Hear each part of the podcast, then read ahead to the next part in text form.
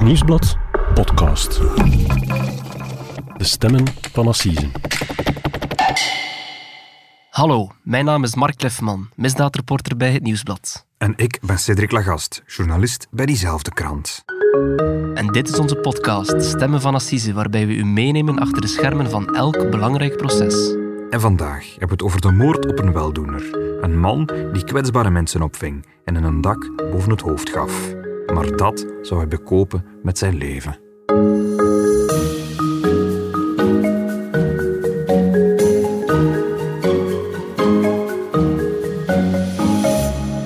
Dag Cedric. Dag Mark. Cedric, we zitten hier opnieuw in onze podcaststudio. Ja. Eh, het gerechtelijk verlof is nu echt wel definitief voorbij. Mhm. De zomervakantie is afgelopen. De procureurs hebben ja, overal in ons land eigenlijk de, het gerechtelijk jaar geopend. Dat was vorige week. Ja, de redenvoeringen hè, die ze dan afsteken, dat is zo'n beetje traditie.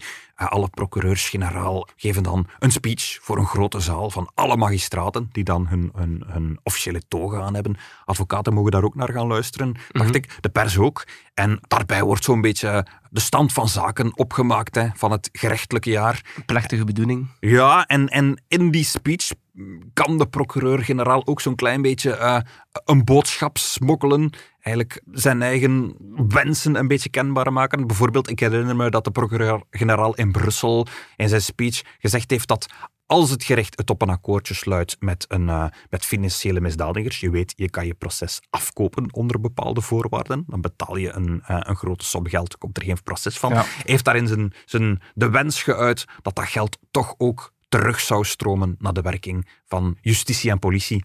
Wat je weet, Mark, eh, justitie heeft geld nodig. Absoluut. Nu, die redes van die, van die procureurs, dat is een beetje de heropstart van het eh, gerechtelijk jaar. Maar dat betekent natuurlijk ook een, een nieuwe start. Dat wil ook zeggen dat de, de assisenhoven vanaf deze maand weer de deuren openen. Ja, klopt. Er staan eh, in september vier assiseprocessen op de planning. Oké, maar we beginnen met de moord op een weldoener, zei je. Ja, het allereerste proces eh, deze maand gaat van start in Tongeren. Het gaat over een moord die gepleegd werd in september 2018. Exact vier jaar geleden dus. Ja, eh, ongeveer vier jaar geleden in Hasselt. De moord op een 56-jarige man. Iemand die ervoor bekend stond dat hij een groot hart had. Iemand die steeds anderen wilde helpen, zo wordt over hem gezegd. Het is eigenlijk iemand die dakloze mensen aan een dak boven het hoofd hielp. In Hasselt is de politie een onderzoek gestart naar een verdacht overlijden. Op het industrieterrein Ekkelgaarde werd het levenloze lichaam van een man aangetroffen in een gracht. Hier in deze doodlopende straat op het industrieterrein Ekkelgaarde in Hasselt werd rond 11 uur het levenloze lichaam van een man aangetroffen in de gracht. De politie Limburg Regio Hoofdstad, een team van deskundigen, de wetarts en het labo kwamen ter plaatse.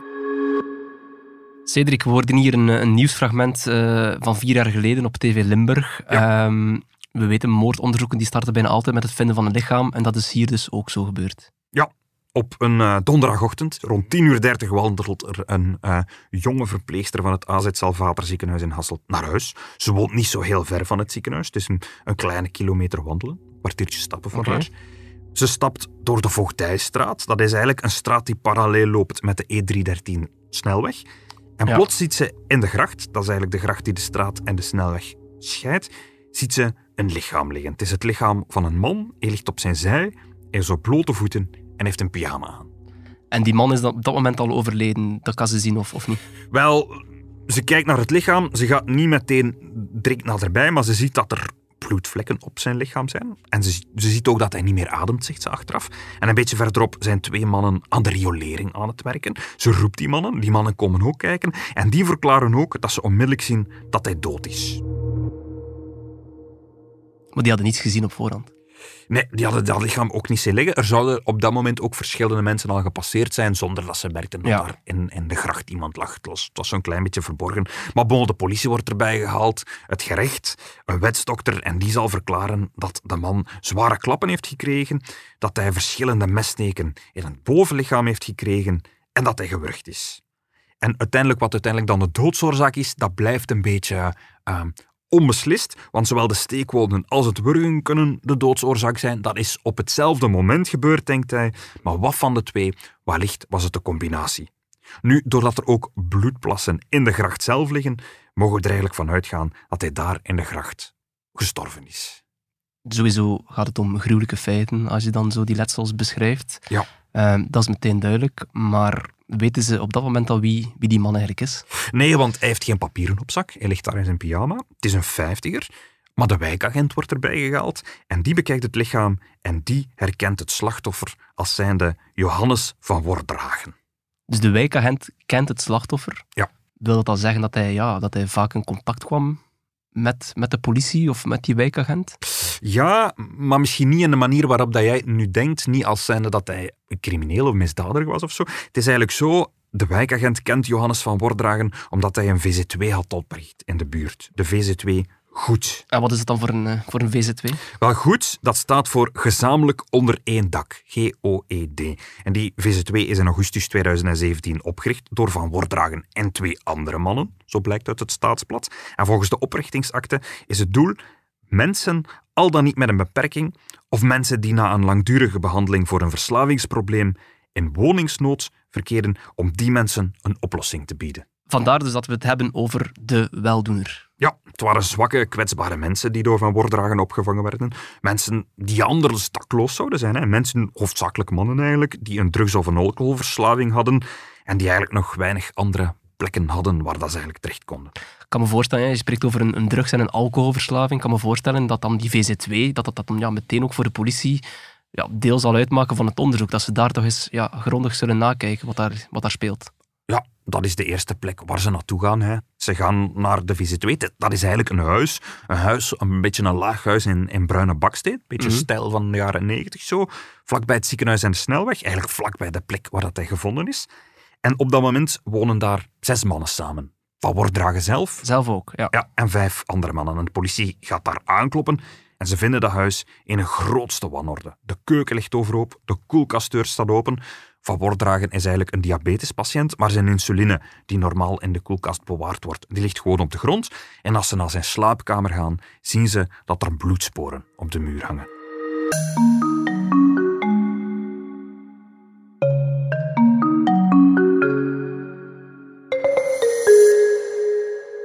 Cedric, de politie heeft een weldoener vermoord teruggevonden in een greppel langs de weg. Eh, en het spoor leidt naar zijn VZ2, zei je daarnet, waar hij dus al ja, lange tijd kwetsbare mensen opvangt. Ja, er wonen op dat moment vijf andere mannen bij hem in dat huis. En die worden natuurlijk allemaal opgepakt.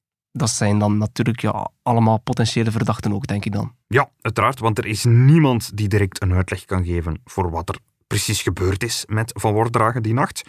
Die vijf worden allemaal opgepakt, aangehouden door de onderzoeksrechter en natuurlijk ondervraagd, want er is een vermoeden dat minstens één van hen meer weet van wat er daar gebeurd is. En dat niet vertelt, want het is natuurlijk heel erg ongeloofwaardig dat er in een huis een moord wordt gepleegd, of toch geweld wordt gepleegd en Mhm. iemand wordt meegenomen, zonder dat er iemand iets hoort of iemand iets ziet. En wat voor mannen waren dat dan eigenlijk eh, die daar woonden? Wel, het zijn allemaal mannen. En eh, het opmerkelijkste is eh, misschien nog dat ze met vijf zijn. Want volgens de statuten van de VZ2 eigenlijk is er maar plaats voor drie mannen.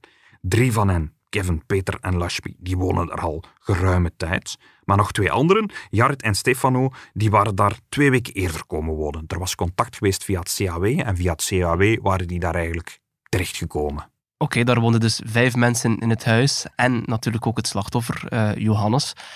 Kan je misschien eens wat meer nog vertellen over, over hem? Wat weten we eigenlijk over, over het slachtoffer? Wel, zijn naam is dus Johannes van Wordragen, maar hij wordt door iedereen Han genoemd. Hij is 56 jaar, is een Limburger en hij is eigenlijk de zoon van een bekende kunstenaar, van Ah. de Nederlander Martijn van Wordragen. Dat is eigenlijk een Nederlander die in 1948 al bij de inhuldiging van koningin Juliana de opdracht kreeg om het officiële metershoge portret van haar te schilderen. Oké, Ja, het is een Nederlander, maar eigenlijk, het is een beetje gek, toch wordt hij bij de Vlaamse expressionisten gerekend. Want eh, in 1958 eh, verhuist hij met zijn vrouw naar Vlaanderen. Hier worden ook zijn kinderen geboren. En hij, hij vond eigenlijk vooral aansluiting bij andere Vlaamse schilders, zoals Constant Permeke. Die, die we allemaal kennen. En het is eigenlijk vooral in die stijl dat je zijn werken En is, is Johannes van Wordragen dan ook een, een kunstenaar? Of? Wel, nee, zijn zoon is eigenlijk een beetje meer sportief aangelegd, zou je kunnen zeggen. Hij wordt leraar lichamelijke opvoeding, de Mhm. leraar skimonitor ook. Hij wordt zelfs sportfunctionaris bij de gemeente Diepenbeek. Daar ligt zo'n beetje zijn passie. En, en later baat hij ook de cafetaria van een sporthal uit en een fietscafé. Wat ik me wel nog afvraag is, ja, hoe, hoe wordt iemand als hij dan zo, zo gezegd de weldoener die die mensen opvangt? Hoe is dat eigenlijk ontstaan? Wel, allicht ook een beetje omdat hij ook die kwetsbare, moeilijke kant heeft. Hij worstelde zelf ook met een alcoholverslaving, een verslaving die zijn leven getekend had. Hij heeft ook financiële problemen, maar ook, hij, hij, wordt ook omschreven als een dromer, als een begripsvol persoon die altijd andere mensen wilde helpen, als iemand die zich goed kon inleven in een ander zijn gevoelens, maar ook als een beetje naïef. Eén dag nadat in de berm in de Hasseltse Voogdijstraat het levenloze lichaam van een man werd aangetroffen, hoopt de FGP van Limburg antwoorden te krijgen. Het gaat om een onderzoek dat thans wordt gevoerd door de federale politie van Limburg na het aantreffen van een 56-jarige man uit Hasselt in de Voogdijstraat. Op dit ogenblik uh, worden enkele verdachten daaromtrent verhoord uh, om na te gaan uh, wat er precies is gebeurd. Het gaat om zes personen. In totaal werden zeven mensen van hun vrijheid beroofd, maar één persoon die niets met de feiten te maken had, mocht gisteren al beschikken. Welke band de verdachten hebben met het slachtoffer, wil het parket niet kwijt. Cedric, we hoorden hier parketwoordvoerder eh, Bruno Copin. Dat was eh, in 2018, dus vier jaar geleden. Mm -hmm. Er wordt gesproken over zeven personen die opgepakt zijn. We weten dat vijf van die zeven personen in de woning bij, bij, bij het slachtoffer wonen, bij VZ2 Goed. Het waren zijn huisgenoten. Zijn huisgenoten. Die mensen zijn ook allemaal opgepakt en ondervraagd, maar die zeggen van ja, wij hebben niks met de feiten te maken. Ja. Hoe verloopt het onderzoek vanaf dan? Wel, die vijf mensen die worden natuurlijk grondig ondervraagd. En, en de, de politie probeert vooral om, om de 24 uur voorafgaand aan, aan de ontdekking van de moord, om die te reconstrueren. Ze proberen eigenlijk een beetje een tijdslijn te maken van de gebeurtenissen van die avond. En maakt die tijdslijn de, de speuders iets wijzer of, of helemaal niet? Ze leren vooral dat de avond voordien eigenlijk een vrij rustige avond was geweest. Hè. De zes mannen waren de avond voordien allemaal aanwezig in het huis. Mm -hmm. De meeste zaten buiten op het terras, waar ze sigaretten rookten. Een paar dronken ook bier. En rond middernacht heeft een van hen, Lashmi, nog eten klaargemaakt voor de hele bende. Hij heeft eigenlijk wraps gemaakt. Mm -hmm. En rond half twee zijn de laatste mannen gaan slapen en is het huis rustig geworden. Dus ze zijn gaan slapen. Je kan dan denken dat uiteindelijk ja, dat, dat de moord dan s'nachts moet gebeurd zijn. Wel, nee, want een van de bewoners moest s ochtends vroeg op om te gaan werken. Hij is om kwart na zes s ochtends opgestaan en hij zegt dat hij Van Wordragen nog in de keuken heeft gezien.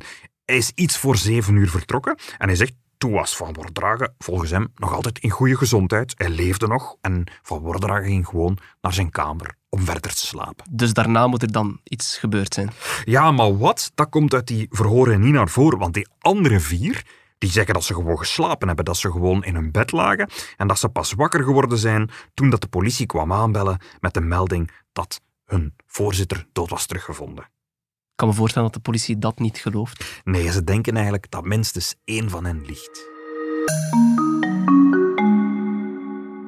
Cedric, het is duidelijk dat, uh, dat we met een, met een moeilijk onderzoek te maken hebben. Hè. Er, zijn, er zijn vijf verdachten opgepakt. Uh, allemaal hebben ze tegenstrijdige verhalen. Uh, uit de verhoren van hen kan de politie eigenlijk alleen afleiden dat, dan, dat de moord tussen zeven uur s morgens moet gebeurd zijn. Het moment dat Van Wordragen het laatst is gezien. En de keuken. In de keuken. En half elf s morgens, want dan is zijn lichaam naast die greppel gevonden. Ja. Hoe gaat het verder? Wel, er is nog een ander element dat een nieuw licht op de zaak werpt. Er loopt die dagen in de buurt nog een ander politieonderzoek in de buurt. Eigenlijk naar een gestolen scooter. Een bromfiets, zeg maar. Die is op de nacht van de moord gestolen uit het nabijgelegen ziekenhuis. En de speurders die willen die inbraak, die diefstal ook oplossen. Ze bekijken camerabeelden uit de buurt. En op een van die camerabeelden zien ze rond 7 uur s ochtends die scooter een paar keer plots voorbijrijden door de Voogdijstraat. Heen en weer. Tussen het huis eigenlijk en de plek waar het lichaam gevonden is. En wat meer is, ze herkennen de mannen die op die scooter zitten. En wie zijn ze dan? Wel, op een van die ritjes menen ze Jared en Stefano te zien zitten. Dat zijn twee bewoners van de VZ2 Goed. Dat zijn eigenlijk de mannen die er het laatst zijn bijgekomen, die er nog maar twee weken woonden. Dat is zeer opmerkelijk, want volgens hun verklaringen waren zij op dat moment eigenlijk aan het slapen. En, en zijn ze pas om ja, na half elf uh, s morgens wakker geworden. Ja, en dat is niet het enige wat vreemd is, want de andere drie bewoners die vertellen ook dat er eigenlijk, eigenlijk al een paar dagen problemen waren met die twee. Ze wonen daar nog maar twaalf dagen, sinds 15 september, maar al de dag erna, op 16 september, hadden de twee een hele nacht lawaai gemaakt en hadden ze eigenlijk ruzie gekregen, vooral met Van Wordragen, maar ook met de andere bewoners, in die mate zelfs dat die andere bewoners de politie hadden gebeld. Ze hadden zich dus niet uh, bepaald populair gemaakt uh, die, die eerste dagen al. Nee, omdat ze een, een feest hadden gegeven voor hun voor vrienden en kennissen en die allemaal hadden uitgenodigd naar het huis, wat dat niet de bedoeling was. Niet bepaalde ook, samenspraak. Nee, en ook omdat ze openlijk drugs gebruikten en alcohol dronken. En je herinnert je, de andere bewoners, die wilden daar eigenlijk vanaf, want het was eigenlijk, het doel van de VZ2 was eigenlijk ook wel ja, om, om je leven terug te herpakken en van je verslavingen af te geraken. Um, ja, dan maak je het de anderen wel moeilijk als je daar openlijk wel drugs zit te gebruiken, terwijl die anderen dat net niet willen doen.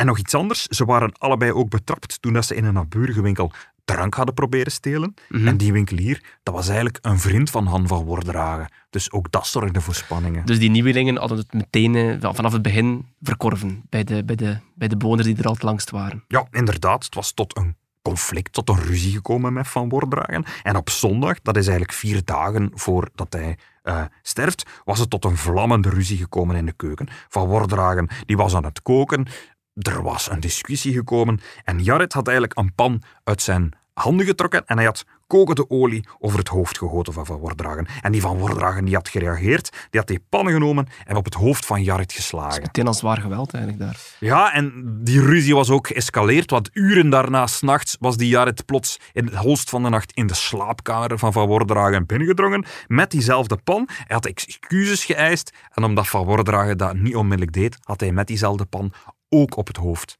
van de voorzitter geslaan. Heftige scènes. Ja, en voor Van Wordragen is dan de maat vol natuurlijk. Hè. Volgens de drie andere bewoners wilde hij eigenlijk dat het duo Jarit en Stefano dat zij het huis zouden verlaten. Maar hij was eigenlijk... ze zorgden alleen maar voor problemen. ja, maar hij was ook bang van hen. Hij, hij, durfde dat niet goed. Hij had al is met de wijkagent ook contact opgenomen om te vragen van hoe kan ik dat mhm. best aanpakken. En die avond, de avond van de moord, zou hij eigenlijk een vergadering hebben willen beleggen om dat en die twee duidelijk te maken. Ze moesten vertrekken.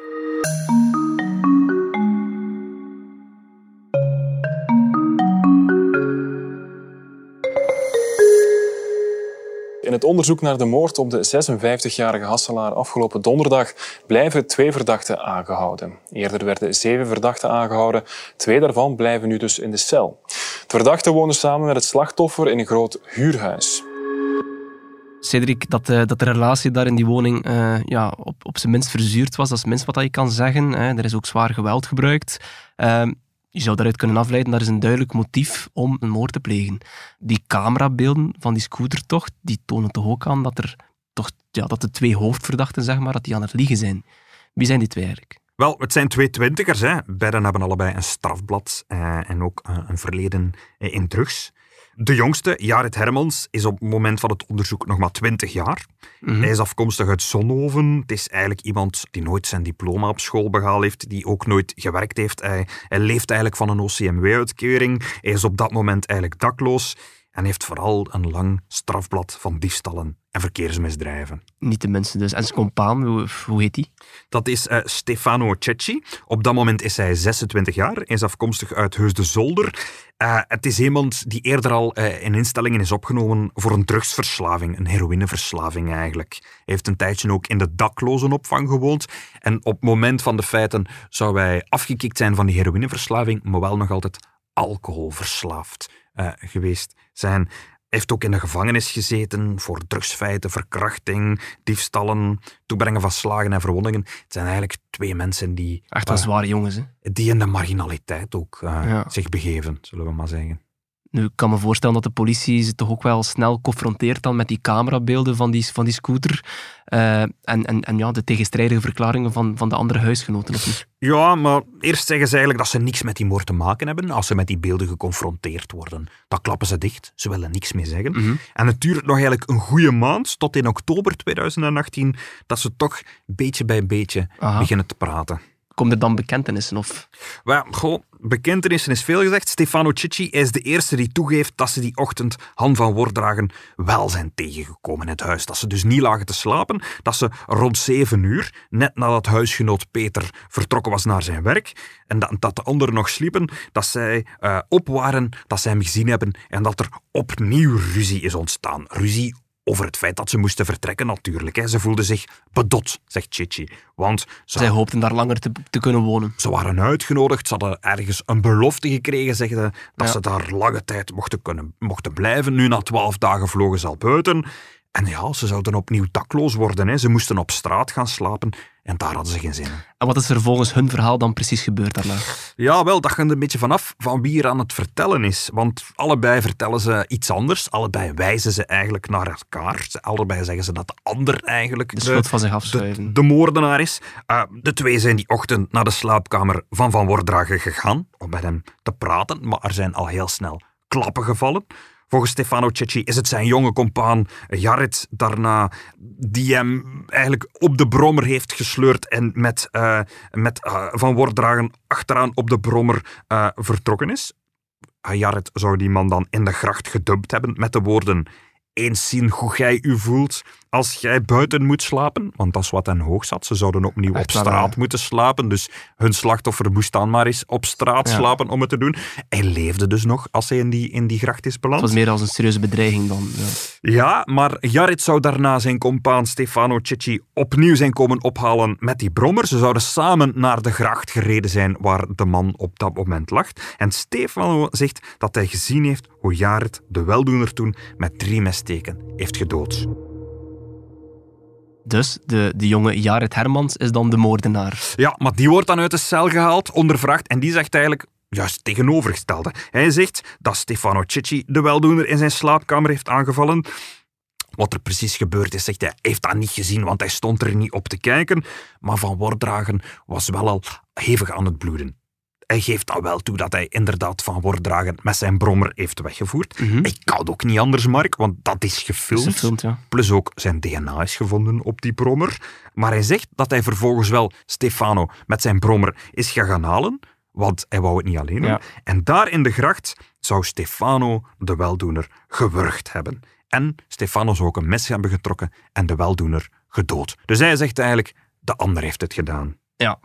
En hoe, hoe interpreteren de speurders dat dan? Zij zeggen dan, ja, we zitten hier eigenlijk met twee moordenaars, of, of niet? Ja, ze beseffen vooral dat er nog veel tegenspraak Ja. is. Hè? Dat het dossier nog niet rond is, dat er heel veel gaten nog in de verhalen zitten. Dat ze eigenlijk nog nou lang niet weten wat er exact gebeurd is op die bewuste avond.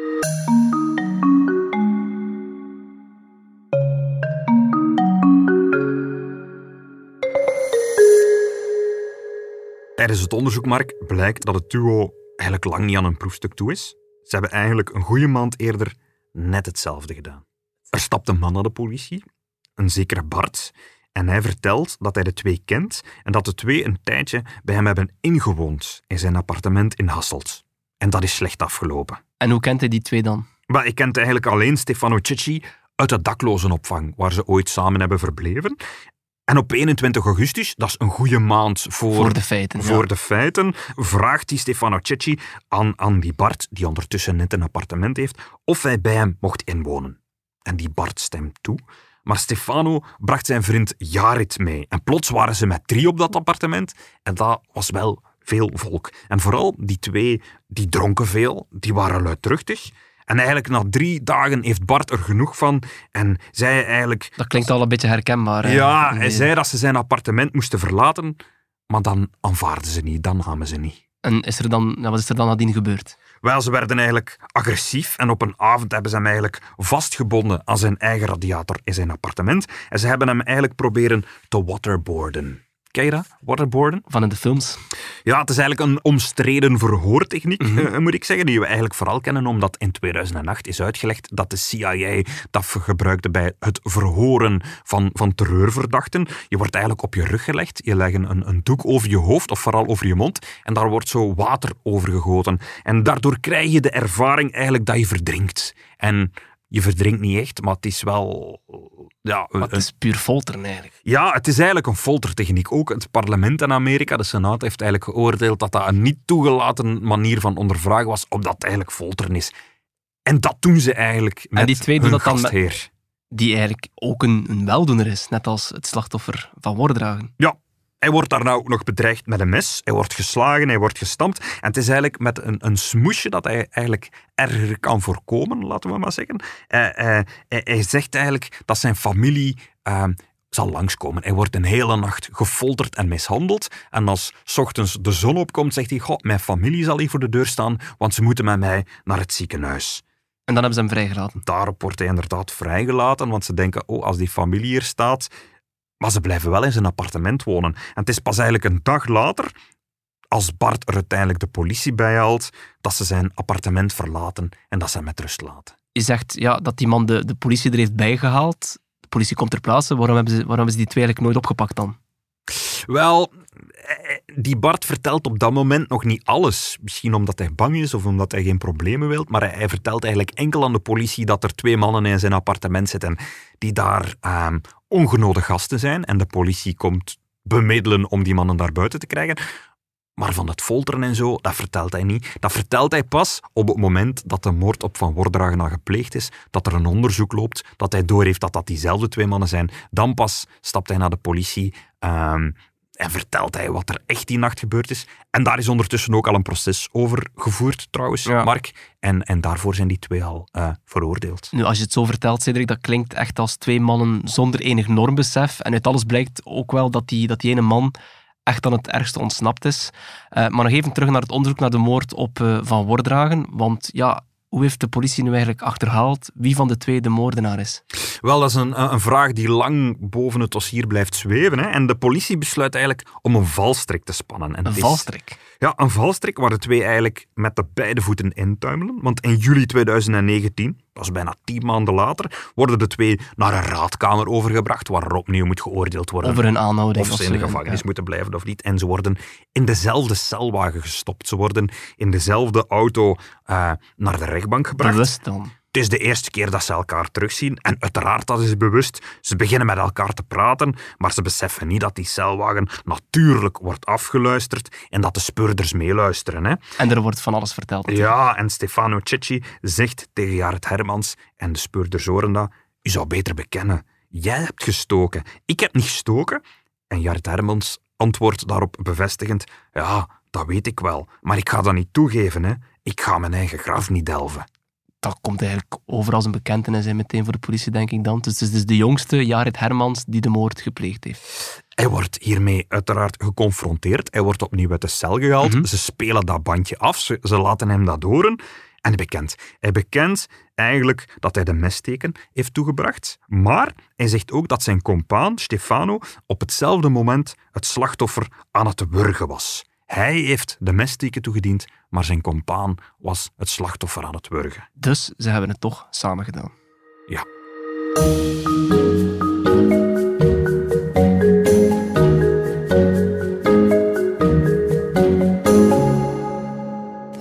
Een 24-jarige man uit Hasselt en een 30-jarige man uit Heus de Zolder staan volgende week maandag in het Tongerse Hof van Assise terecht voor de moord op de 56-jarige Hasselaar Johannes van Wordragen. Het slachtoffer werd in elkaar geslagen in zijn eigen huis. De beschuldigde vervoerde hem op een gestolen brommer om hem later langs de kant van de weg te wurgen en dood te steken met een mes. Cedric, we hoorden het hier op het eh, fragment van TV Limburg. Volgende week maandag begint het eh, assiseproces tegen Jared Hermand en Stefano Cecchi. Ehm, wat ik me wel afvraag, ehm, hun verklaring over wat er gebeurd is, kan dat ja, op het proces nog voor een, voor een in strafmaat zorgen? Of lijkt het hier vooral ja, samen uit, samen thuis? Well, dat zal van het proces afhangen, hè, van wat ze daar precies komen verklaren en, en wat er over hen allemaal persoonlijk aan het licht komt. De jury zal dat eh, allemaal horen. Er zijn 51 getuigen die eh, gevraagd worden om te komen getuigen eh, over, over de moord. Maar geen van beiden start hier met goede punten. Hè. Ze hebben allebei een aandeel in de dood van de weldoener, zo blijkt. Ze hebben allebei ook voorgaanden. Eh, voor de gijzeling van eh, die weldoener een maand eerder bijvoorbeeld, daar hebben ze 40 en 36 maanden cel voor Dat gekregen. is een stevige straf ook al. Maar nu worden ze vervolgd voor moord. Dat is natuurlijk een, een, pak erger. Ehm, wie zijn hun advocaten om hen te verdedigen op het proces? Wel, de jongste, Jared Hermans, die laat zich verdedigen door eh, advocaten Francis Mens en Celina Viola. En zijn compaan Stefano Cecchi laat zich bijstaan door meester Gino Gaubrechts en Mirte Pietz. Waar kennen we hen van? Maar Gino Gaubrechts en Mirte Piet, die waren eerder dit jaar al de advocaten van Dragisa Gamidovic. Dat was een van de mannen die terecht stonden op het assiseproces over de moord op Silvio Aquino. Dragisa Gamidovic heeft toen 22 jaar cel gekregen. Nu, er is ook een, uh, een, een, grote burgerlijke partij, de familie van Han van Wordragen, die wordt uh, bijgestaan door advocaten Philip Danink, Violet Kerkhoffs en Ilse Rooks. Philip Danink was ook uh, aanwezig op het proces rond de Aquino's. Ja, absoluut. Hij was de advocaat van de weduwe van Silvio Aquino op dat eerder genoemde proces. En wie is de openbaar aanklager in deze zaak? Dat is procureur Cedric Stuik. En hem kennen we ook al van dat uh, veel besproken proces over de moord op Aquino. Het is, het is een beetje een reunie, denk ik, van al die mensen die elkaar van het Assiseproces kennen. En de voorzitter, Sir? Nu, de voorzitter is dit keer uh, Valerie Fontaine. Haar kennen we ook uit het dossier Aquino, maar niet zozeer van het Assiseproces. Maar zij was wel de voorzitter van het correctionele terugproces in Hasselt rond de Aquino's, namelijk in 2014. Uh, en zoals vorig jaar ook uh, assisevoorzitter op het proces van Dimitri Goris in Antwerpen. Oké, okay. Cedric, heel erg bedankt om ons uh, bij te praten over deze eerste assisenzaak van het najaar. er komt er nog heel wat aan. Absoluut. We zullen het sowieso verder opvolgen wat er gebeurt tijdens het proces op onze, op onze site, op onze app, op, op Instagram en natuurlijk in de krant. Absoluut. We zijn er volgende week weer met een nieuwe aflevering van de Stemmen van Assisen. Tot volgende week. Dit was De Stemmen van Assisen, een podcast van het Nieuwsblad. De stemmen waren deze week van Mark Lifman en van mezelf, Cedric Lagast. Onze dank gaat uit naar TV Limburg voor het gebruik van enkele audiofragmenten. De montage gebeurde door Benjamin Hertogs van House of Media en de productie was in goede handen bij Bert Heijvaart.